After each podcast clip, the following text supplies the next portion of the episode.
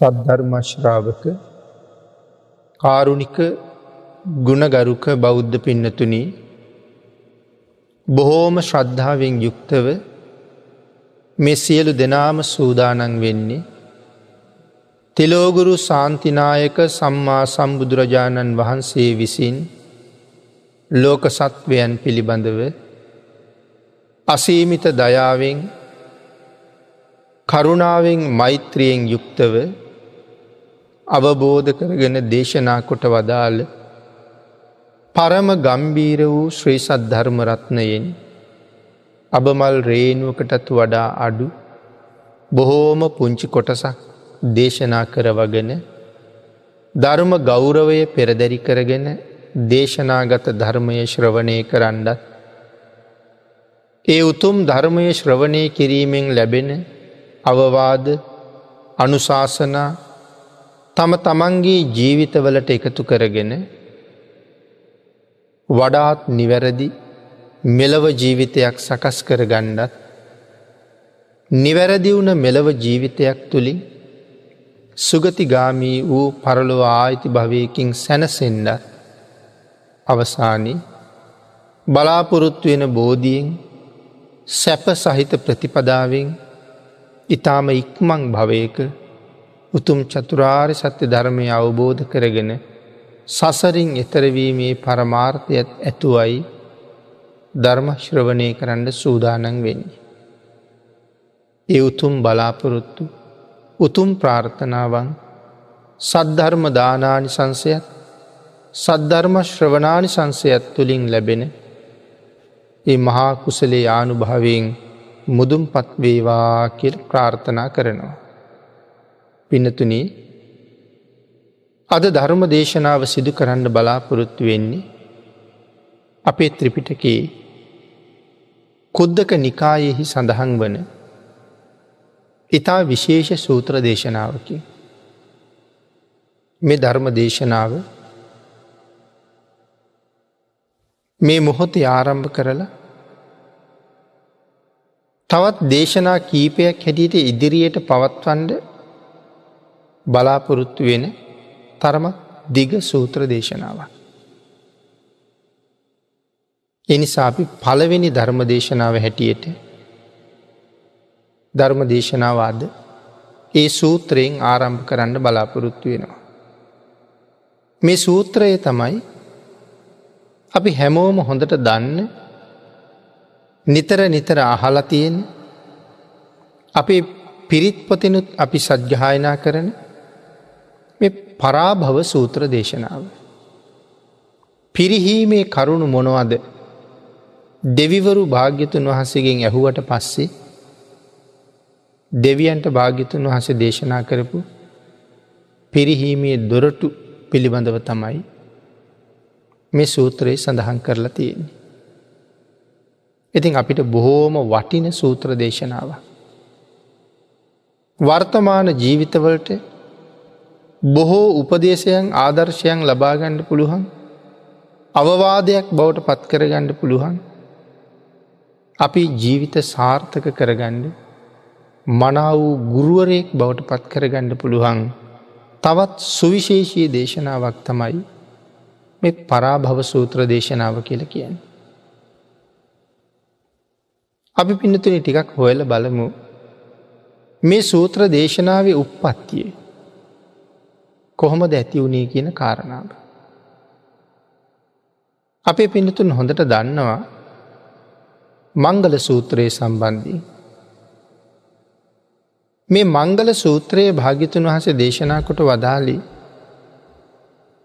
මේ ලෝකෙ හැබෑම මංගල කාරණාවල් මොනවද කියලා මිනිසුන්ට දෙවියන්ට ඇතිවුණ ප්‍රශ්නයක් නිසා දෙවියන් විසින්ම භාග්‍යතුන් වහස ළඟට ඇවිල්ලා ඒ උතුම් මංගල කාරණා දේශනා කරන සේක්වා කියලා ආරාධනා කරහම භාගිතුන් වහසේ මංගල සූත්‍රයේ දේශනා කොට වදාලා.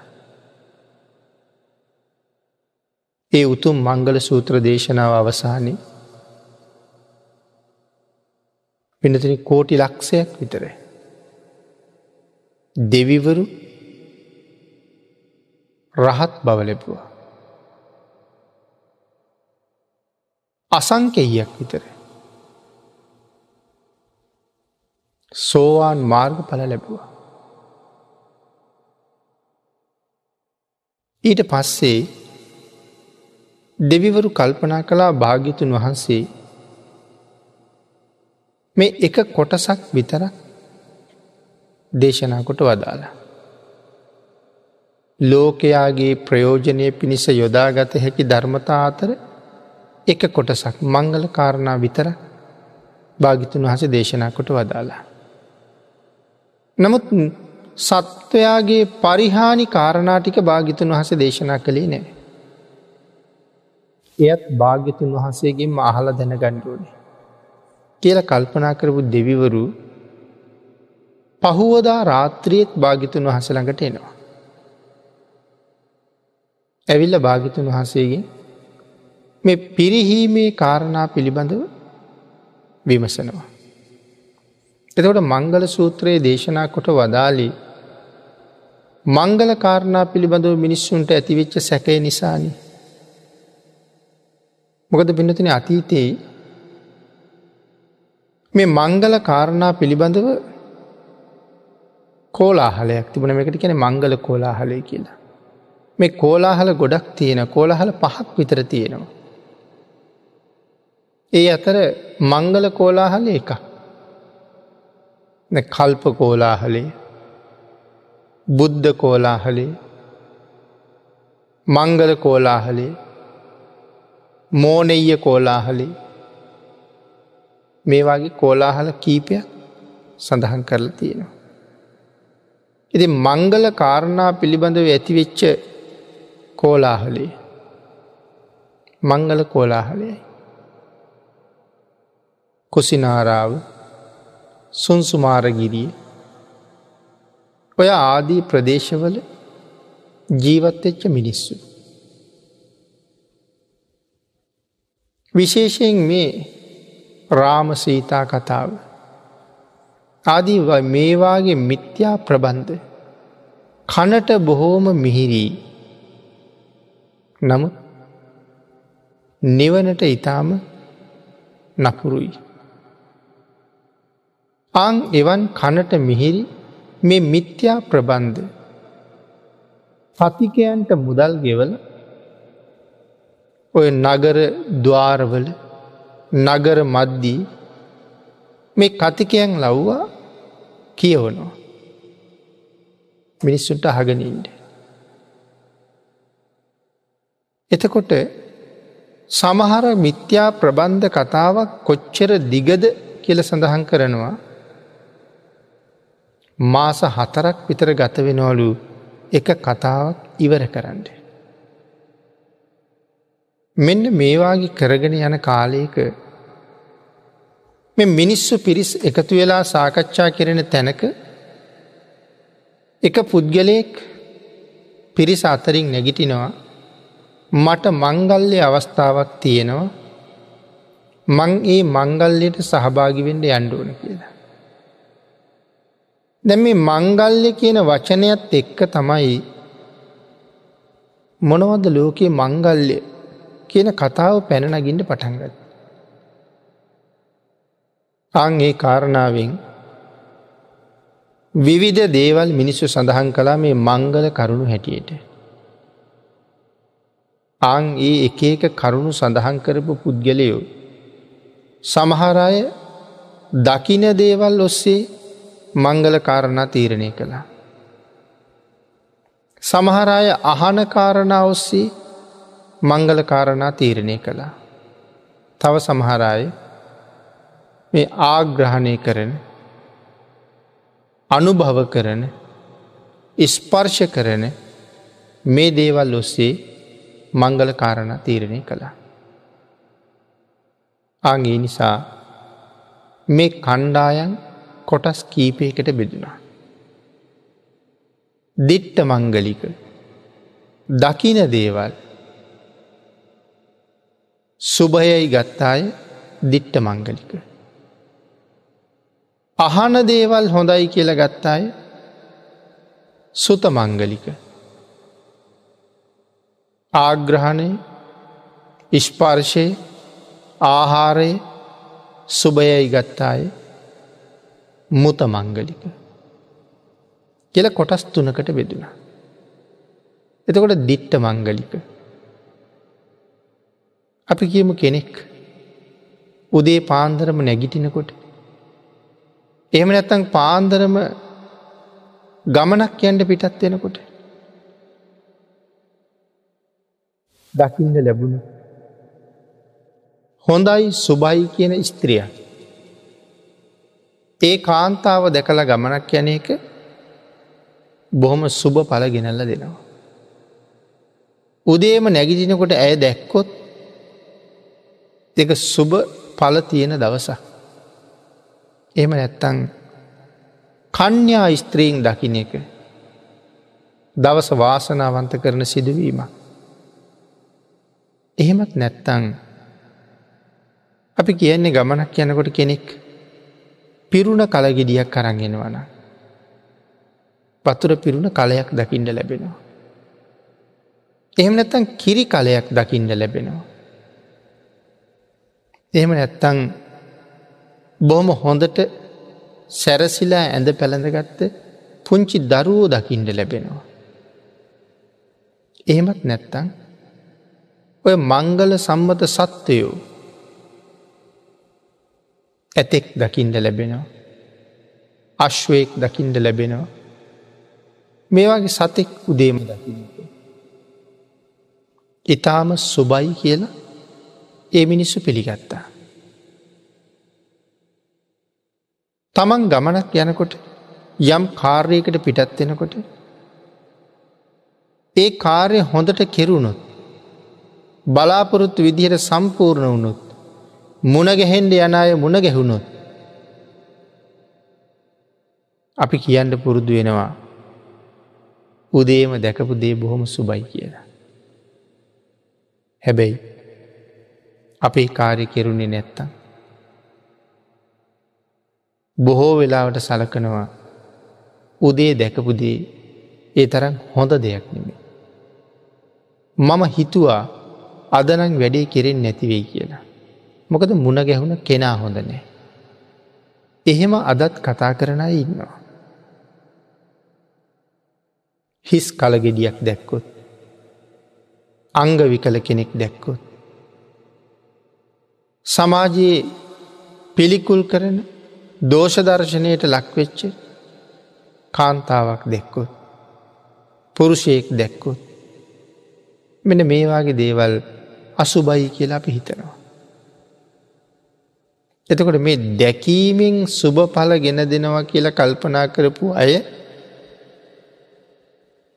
දිට්ට මංගලිකයි. සුත මංගලිකයි කියන්නේ අහන්ඩ ලැබෙන දේ සුබයි.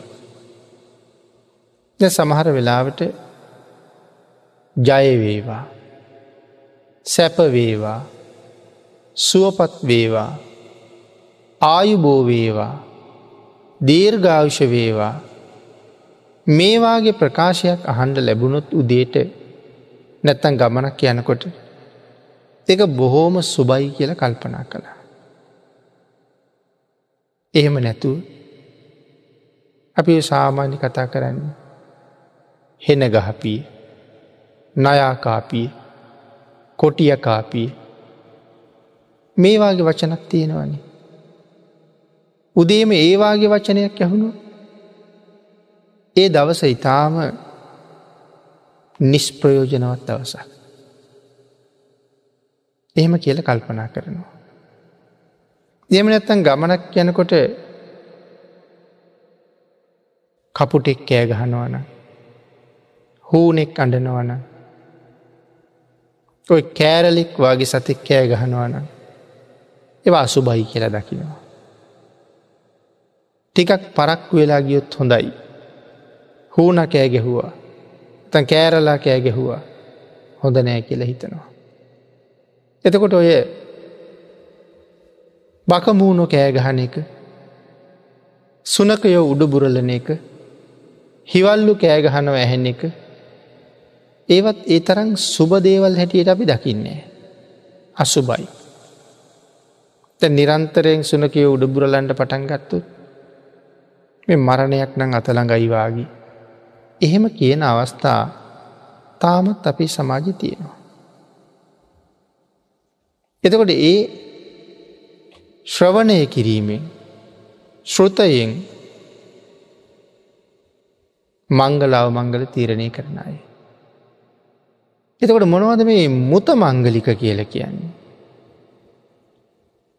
මානෙල් මල් සුවඳ නෙළුම් මල් සුවඳ සඳුන් සුවඳවාගේ දේවල් උදේ මාග්‍රහණය කරන්න ලැබෙනවන එක උතුම් කාරණාවක්. ඊට අමතරව කිරිබ ගිතෙල් මී පැණි මේවාගේ දේවල් උදේට අනු භව කරන්න ලැබෙනවන. පෙරමකට හම්බ වෙනවන්න. ඒක ඉතාම මංගල සම්මතයි. ඊට අමතරව පින්නතුනේ මේ ස්පර්ශ කරන දේවල්. අමු ගොම අලුතෙංදාපු අමු ගොම ස්පර්ශ කරන්න තියෙනවන එක මංගල සම්මතයි. අලුත පීදීගෙනෙන ගොයම අතපත ගාණ්ඩ තියෙනවන ඒක මංගල සම්මතයි. ඒවගේම සහල් කිරි දෙන්න මේවාගේ සත්තු අතපත ගාණ්ඩ තියෙනවන ඒක මංගල සම්මතයි. මෙන්න මේවාගේ කාරණාවට ගෙන මුත මංගලික කියලා. එතකොට දැකපු දෙයින් මංගලාව මංගල තීරණය කරන අය සුත මංගලික. අහන දේවල් වලින් මංගල අවමංගල බව තීරණය කරන අය දැකපු දෙයින් මංගල අවමංගල තීරණය කරපයි දිට්ට මංගලික.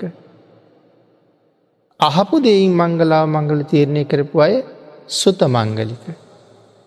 එතකොට මේ ආග්‍රහණයෙන් අනුභවයෙන් සහ ස්පර්ශයෙන් මංගලාව මංගල තීරණය කරපු අයි මුත මංගලික. මේ ආදී මංගල කරුණු තුනක් නැත මංගල්ලයට හේතුවෙන කාරණා ගණනාවක් මේ විදිහට කොටස් තුනකට වෙන් කරලා තියෙනවා.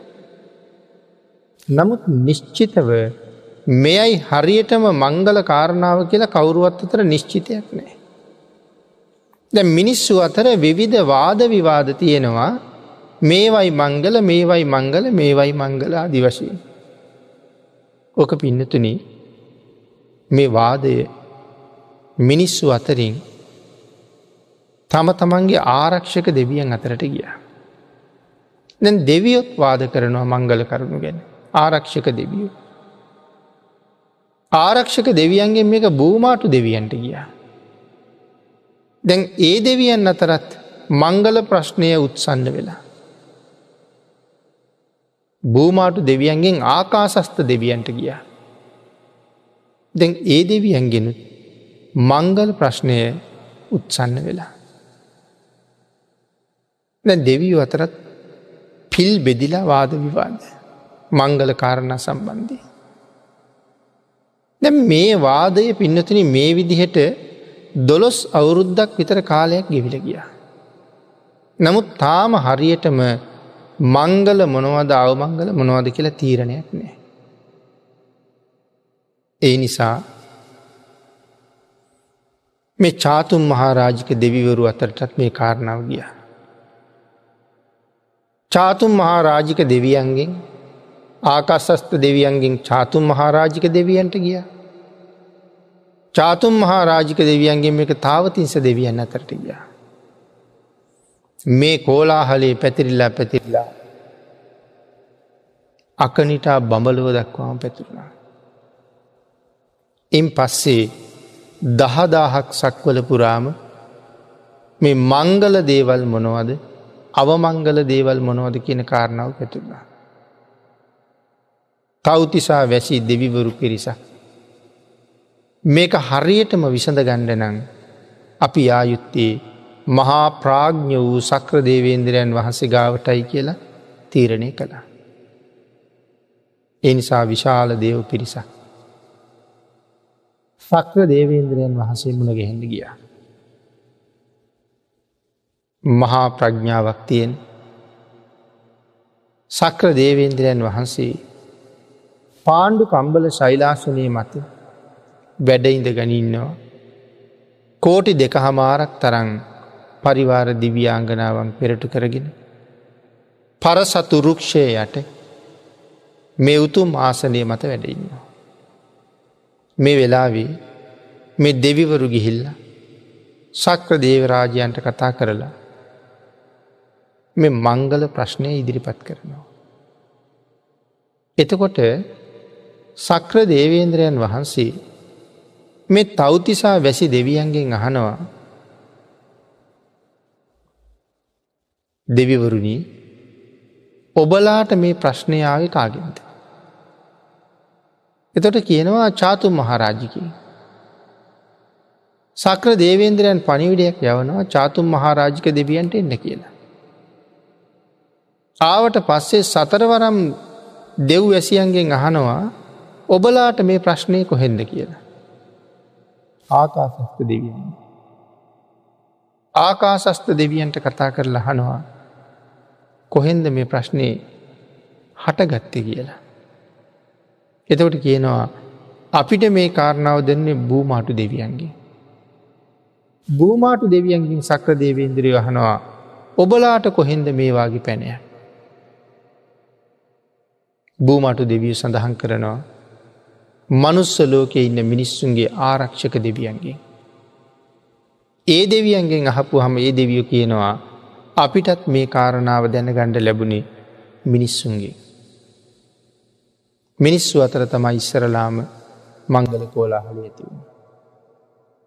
ආංගේ වෙලාවේ අපි බුදුරජාණන් වහන්සේ අහනවා මේ වෙලාවේ තිලෝගුරු සම්මා සම්බුදුරජාණන් වහන්සේ වැඩඉන්න කොහෙද. දෙවිවරු කියනවා ස්වාමීණී සැවැත් නුවර ජේත වනාරාම. නැවත සක්‍ර දේවේන්ද්‍රයන් වහන්සේ අහනවා දෙවිවරුණි මේ ප්‍රශ්නය භාගිතුන් වහසගෙන් ඇහුයි නැද්ද කියලා. ඒ දෙවියු කියනවා නෑස්වාමිය භාගිතුන් වහසගෙන්න්න ඇහුවි නෑ. සක්‍ර දේවේන්ද්‍රයන් වහන්සේ සඳහන් කරනවා. දෙවිවරුණී ඔබල නිකං හරියට තරාදිය තියෙනකොට අතින් කිරන්ඩ හදනවගේ. කිරන්ඩ තරාදිය තියාගෙන අතින් කිරන්ඩ ලෑස්තියෙනවාගේ වැඩක් කරන්න. අඩුව තියෙනකොට අත පුළුස්ස ගන්නවාගේ වැඩක් කරන්න යන්න. ගින්දර තියෙනකොට කලා මැදිරියන්ගෙන් ගිනි දල්වන්ඩ වෙහෙසෙනවාගේ වැඩක් කරන්න හදන්න. තිලෝගුරු සම්මා සම්බුදුරජාණන් වහන්සේ මනුලෝ වැඩඉන්න වෙලාවේ. ඔබල ඇයි මමවාගේ කෙනෙක් හොයාගෙන ආවේ මේ ප්‍රශ්නවට උත්තර හොයන්න. මේ කාරණාව විමසිය යුත්තේ මගෙන් නෙමෙයි මේක විමසන්ඩුවනි භාගිතුන් වහසේනේ. එනිසා ලෑස්තිවෙන්ඩ. සියලු දෙනාම ලෑස්තිවෙන්ඩ භාග්‍යතුන් වහස ළඟට ගිහිල්ලා මේ පැනේ විසඳන්ට. කියල සියලු දෙවියන්ට සක්‍ර දේවේන්දරන් වහසේ දැනුවත් කළා. පිනතුනය වෙලාවේ දහදාහක් සක්වලේම දෙවියෝ එකතුුණා. ප්‍රථම යාමේ ඉක්මවා ගියපු මධ්‍යම රාත්‍රයේ මේ සියලුම දෙවිවරු බුදුරජාණන් වහන්සේගෙන් මේ පැනය අහන්ඩ රැස්සුනා. කොච්චර පිරිසක් රැස්වෙන් ඇද්ද කාරණාව සඳහන් කරනවා. මෙ අස්සේකුගේ ලෝමගහ. යම් තැනක පිහිටවන්ඩ කොයි තරන් ඉඩ ප්‍රමාණයක් ඕනැද. අන්න ඒවාගේ ඉඩ ප්‍රමාණයක දෙවියු දහය විස්සක් තිහක් හතලිහ පණහක් හැට හැත්තෑව අසුව හිටිය කියලා. මේ සක්වලට රැස් වෙලා. මොන තරං දේව පිරිසක් මේ ප්‍රශ්නය විසඳ ගණ්ඩ ඇවිල්ල තියෙනවද. එකන අස්ස ලෝමයක් යම් තැනක පිහිටවන්ඩ අවශ්‍ය යම් ඉඩ ප්‍රමාණයක්ද භාග්‍යතුන් වහන්සේ ළඟටම යනකොට ඒවාගේ ඉඩ ප්‍රමාණයක් ඇතුළේ දෙවියෝ දහ දෙනෙක්කින්නවා. තව ටිකක් එහාට යනකොට ඒවාගේ ඉඩ ප්‍රමාණයක දෙවියෝ විස්සා තිහක් හතලිහක් ඈතට යනකොට අස්ස ලෝමයකට අවශ්‍ය ඉඩ ප්‍රමාණය ඇතුළේ දෙවිවරු අසුවක් විතර ඉන්නවා. අපේ පිඩතුට මතක ඇති මහා සමයසූත්‍රයේ පැහැදිලි කරනකොටත් මෙ මොන තරං දෙවියෝ රැස්සුනාද කියන කාරණාව අපි සාකච්ඡා කරන්න යෙදෙන. එයත් මේ විදිහෙමයි. එතන සඳහන් කළේ ඉදිකටු සිදුරක් තරම් සිදුරක් ඇතුළේ දෙවිවරු දහයක් විස්සක් තිහක් කතලිහ. ඈතට ඈතට යනකොට මෙ පමණම රැස්සුනා කියලා. ඒ තරම් විශාල දේව පිරිසක් රැස්වෙලා තමයි සක්‍ර දේවේන්ද්‍රයන්ගේ දැනුන්දීමේ එක්තරා දෙවිය බුදුරජාණන් වහසළඟට යන්න. භාගිතුන් වහසළඟට එළඹිච්ච මේ දිවිය පුත්‍රයා හරියට නිකං හිරු බැබලෙනවාගේ. මුළු ජේත වනා රාමය මේ කාලෝක කරගෙන. බුදුරජාණන් වහන්සේ ළඟට ගිහිල්ලා. භාගිතුන් වහසට වන්දනා කරලා. එකත් පසක ඉඳලා මේ මංගල ප්‍රශ්නය ඇහුවා. අපේ භාගිතුන් වහන්සේ දෙවී අහපු ඒ සියලු කාරණාවන්ට මනාව පිළිතුරු දුන්න. බහූ දේවා මනුස්සාචය මංගලානි අචින්තයෝ. ආකංක මානා සොත්තානං බ්‍රෝහි මංගල මුත්තම. ස්වාමීණි භාගිතුන් වහන්සේ බොහෝ දෙවි මිනිසුන්ට. මේ මංගල අවමංගල කාරණා මොනවද කියල දැනගණ්ඩ විශේෂයෙන් මංගල කාරණා දැනකන්ට. අවශ්‍යතාවයක් තියෙනවා. දොළොස් අවුරුද්ධක තරම් දීර්ඝ කාලයක් දෙවි මිනිසුන් මේ ලෝකෙ සැබෑම මංගල කාරණා මොනවද කියල හෙව්වා. පිළිතුරු නොලැබුණ නිසයි භාගිතුන් වහසනකට වේ ආවී. මේ ප්‍රශ්නය විසඳලා දෙන්න කියන. අපි බුදුරජාණන් වහන්සේ ආන් ඒ ආයාචනාව මුල් කරගෙන උතුම් වූ මංගල සූත්‍රයේ දේශනා කොට වදාලා. ඒ මංගල සූත්‍ර දේශනාව අවසානය තමයි පිනතින අපි මතක් කළේ. විශාල දිව්‍ය පිරිසක් රහත් වුණ. අසංකෙයක් තරං විශාල පිරිසක් සෝවාංගුණ. ඒ දේශනාව අවසානය. දෙවිය බොහෝම සතුටින් පිටත් වෙලා ගියා. ඒ ගිහිල්ල තමයි පසුව කල්පනා කළේ භාගිතුන් වහන්සේ එක අන්තයක් විතරක් දේශනා කළා. මංගල්‍ය මොනෝද කියල දේශනා කළා. නැතන් දියුණුවේ දොරටු භාගිතුන් වහන්සේ පැහැදිලි කොට වදාලා. එකන්සයයි. පිරිහීමේ දොරටු දේශනා කළේ නෑන. එහෙමනම් ඒ කාරණා ටිකත් සියලු දෙනාගේ හිතසුව පිණිස භාග්‍යතුන් වහන්සේගෙන්ම අහලා දැනගණ්ඩ වටිනවා. එහෙම හිතල තමයි නැවතත් සක්‍ර දේවේන්දරයන් වහන්සේත් පෙරටු කරගෙන දහදහක් සක්වලේ දෙවියෝ පෙරදා වගේම රැස්සුනා. එහෙම රැස්වෙලා සක්‍ර දෙවියන්ගේ ආරාධනාවෙන් පෙර පරිදිම එක දෙවියෙක් මුළු ජේත වනාරාමම ආලෝකින් ආලෝකයට පත් කරගෙන බුදුරජාණන් වහන්සේ ළඟට ඇවිල්ලා. වන්දනා කරලා එකත් පස්සක ඉඳගෙන එකත් පසක ඉඳලා බුදුරජාණන් වහන්සේගෙන් ඒ කරුණ අහනවා. ස්වාමීණී මංගල කාරණා දේශනා කළ මිසත්. පරාභවයට හේතුවෙන කරුණු දේශනා කළේ නෑ. අපි ඒකත් දැනගණ්ඩයි අදාවි කියලා. පරාභවන්තං පුරිසං මයං පුච්චාම ගෝතම. භගවන්තන් පුට්ටුමාගම්ම කින් පරාභවතුූමකං පරාභවන්තන් පුරිසං මයං පුච්චාම ගෝතම. ගෝතම ගෝත්‍රය ඉපදිච්ච තිලෝගුරු සම්මා සම්බුදුරජාණන් වහන්සේ පරාභවන්තන් පුරිසන් මිනිස්සු. මයන් ඒ වගේම අපි සියලු දෙනා. පිරිහීමට හේතුවෙන ලක්වෙන පිරිසක්. ඒ පිරිහීම අවම කර ගැනීම සඳහා නැතිකර ගැනීම සඳහා මොන වගේ කරුණු නිසාද පිරිහෙන්නේ?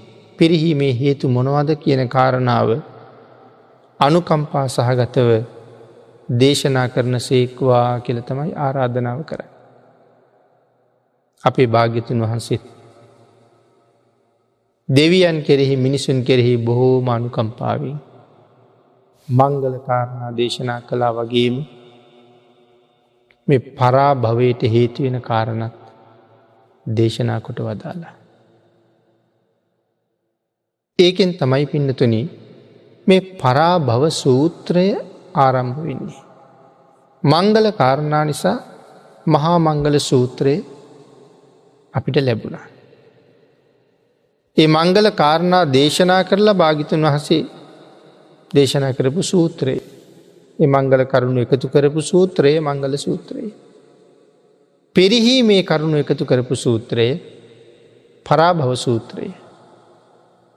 මේ සූත්‍රයේ දේශනා කරනකොට දෙවියෙක් භාගිතුන් වහසගෙන් ප්‍රශ්නහනෝ භාගිතුන් වහස උත්තර දෙනවා. එක ගාථාවක් දෙවියන් අහන ගාථාව අනික භාගිතුන් වහන්සේ පිළිතුරු දෙන ගාථාව.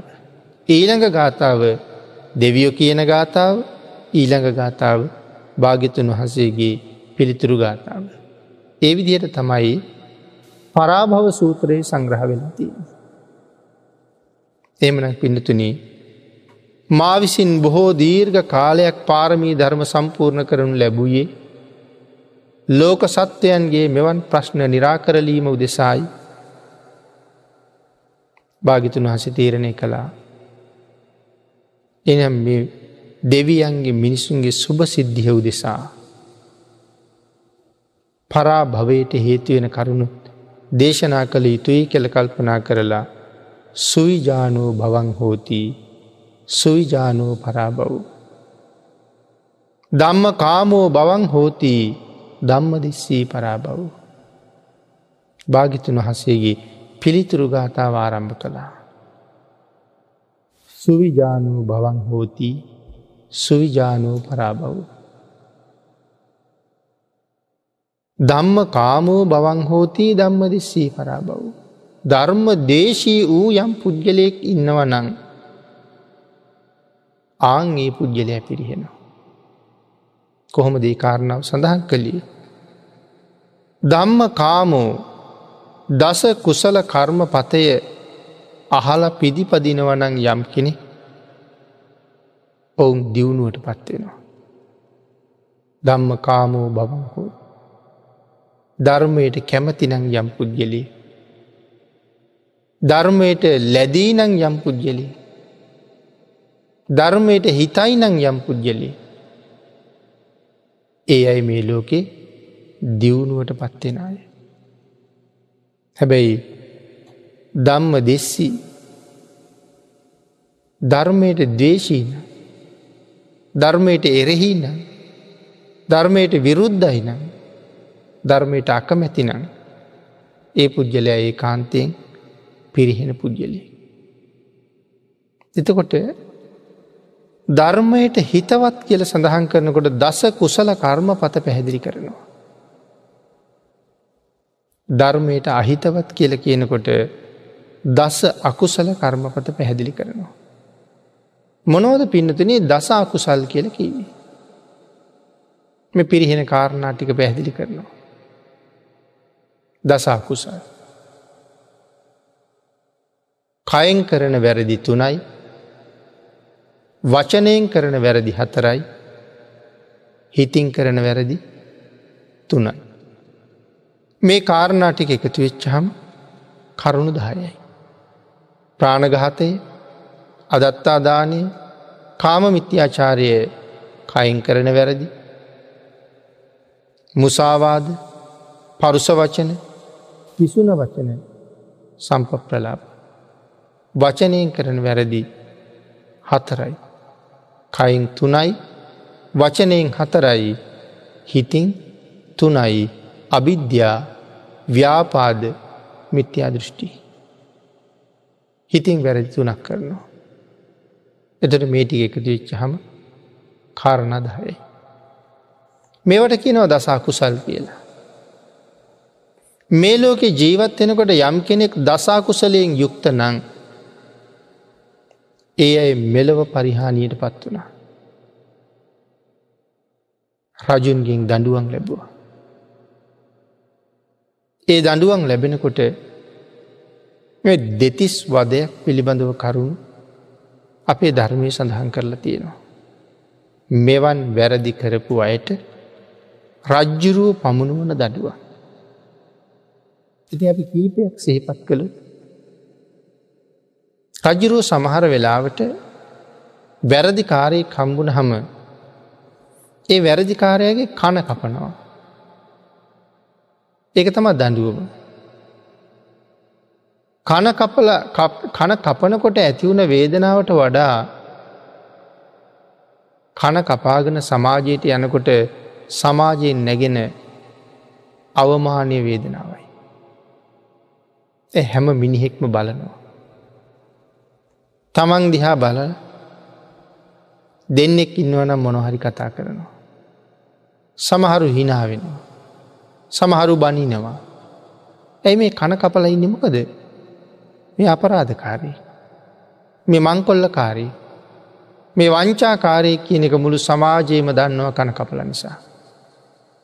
අඩුම තරමේ ඔහුගේ දරු පරපුරක් ඉන්නවනං ඒ අයට පවා සමාජවමානයට ලක්වෙන සිද්ධ වෙනවා.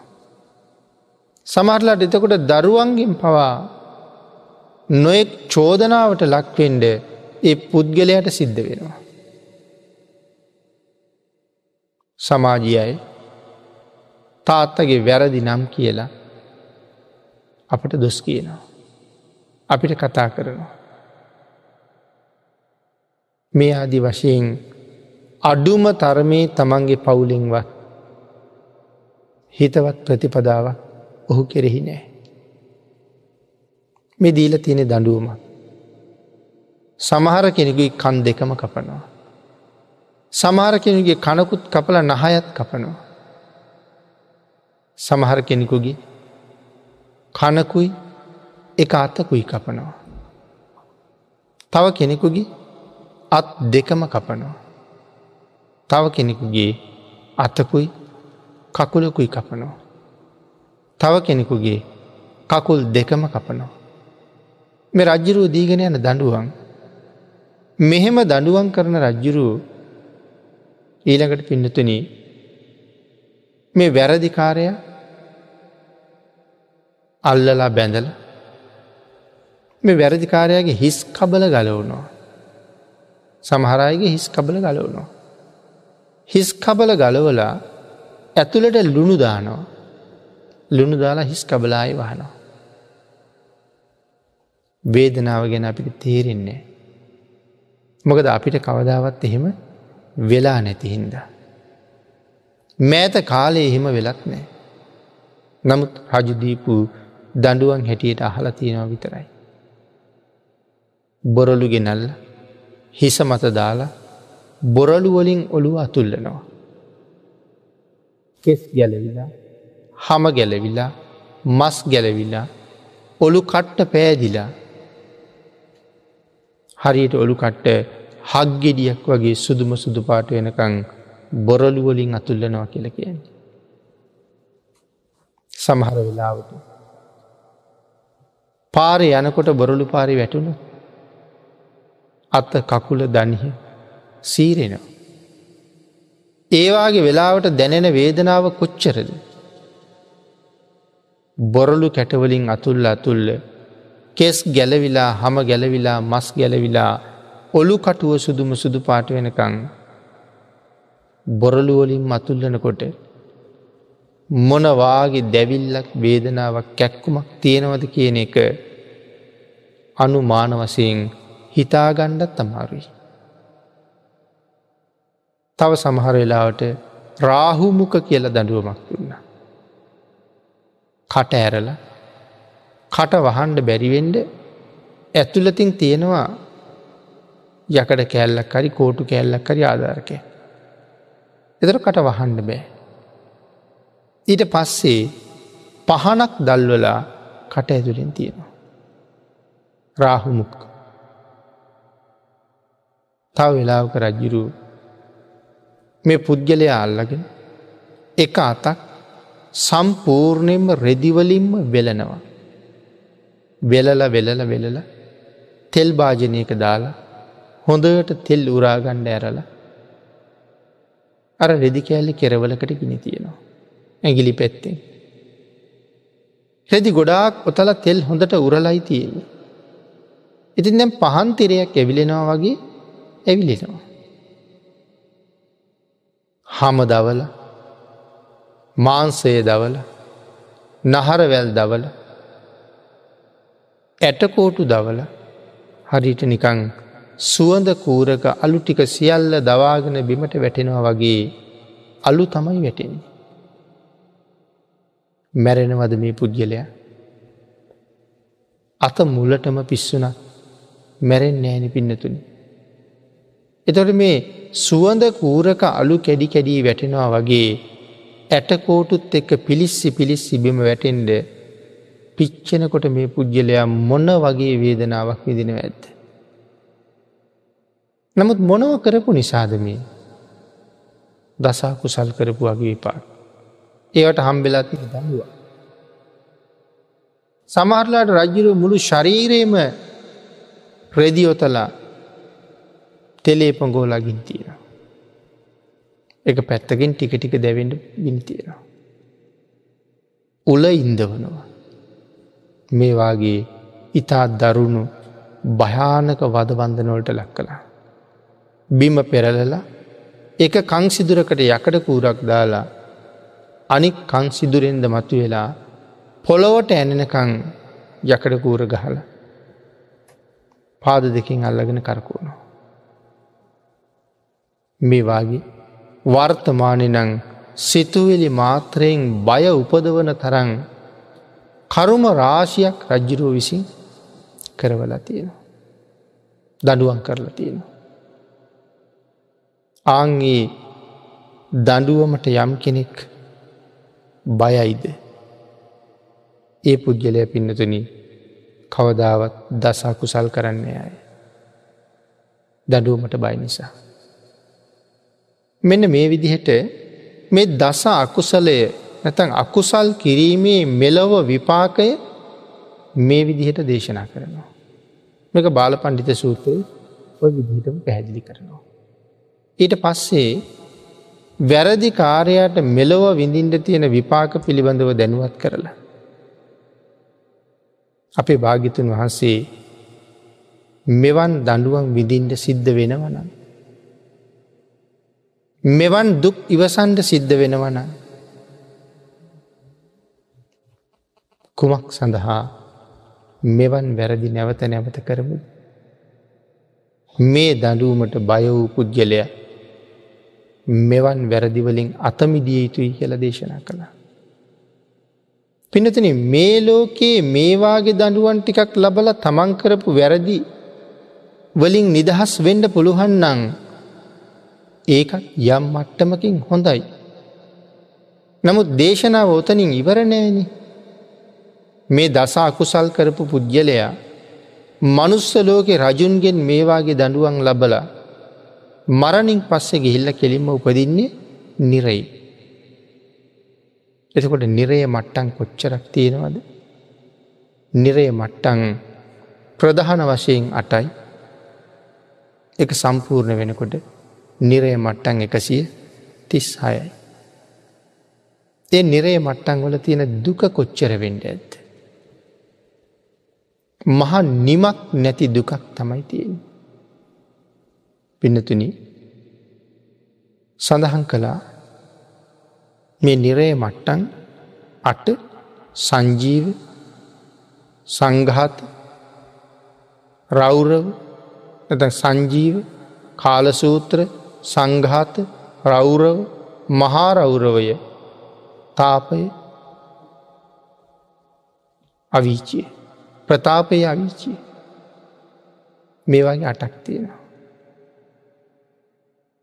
මේ හැම එකක් එකක් වටේටම පුංචි පුංචි අපායවල් හතර හතර තියෙන. එක පැත්තක හතරයි. එතොට මහනිරයට හතර පැත්තයින්නේ. එක පැත්තකට හතර ගානයේ නිරේ වටේට පුංචි අපායවල් දාසයක් තියෙන. දාසය වරක් අට එකසිය විසි අටයි ප්‍රධාන නිරේවල් අටයි එකසිය තිස්සාය. එනිසා එකසිය තිස් හයක් නිරයන් ගැන දේශනා කළා. මෙතන මේ පරාභවය පිළිබඳව කරුණු පැහැදිලි කරනකොට. අනිත් කුඩා උසුපත් නිරයන් පිළිබඳව හිතාගන්න අපිට ඉඩ තියලා මේ මහනිරේවල් අටේ මොනවාගේ දඩුවන් අති දීර්ඝ කාලයක් අවුරුදු කෝටි ප්‍රකෝටි ගාන විඳින්ට සිද්ධ වෙනවද කියන කාරණාව පැහැදිලි කරලා දේශනා කරනවා දස අකුසලේ විපාකය දැනගන්න. නමුත් ධර්ම දේශනාවට කාලයේ නිමා වෙලා නිසා අපි අද ධර්ම දේශනාව මෙතනින් නිමා කරමු. පරාභව සූත්‍රයෙන් සිදු කෙරෙන දෙවැනි ධර්ම දේශනාවදි අපි ඊළඟ කාරණාටික සාකච්ඡා කරමු.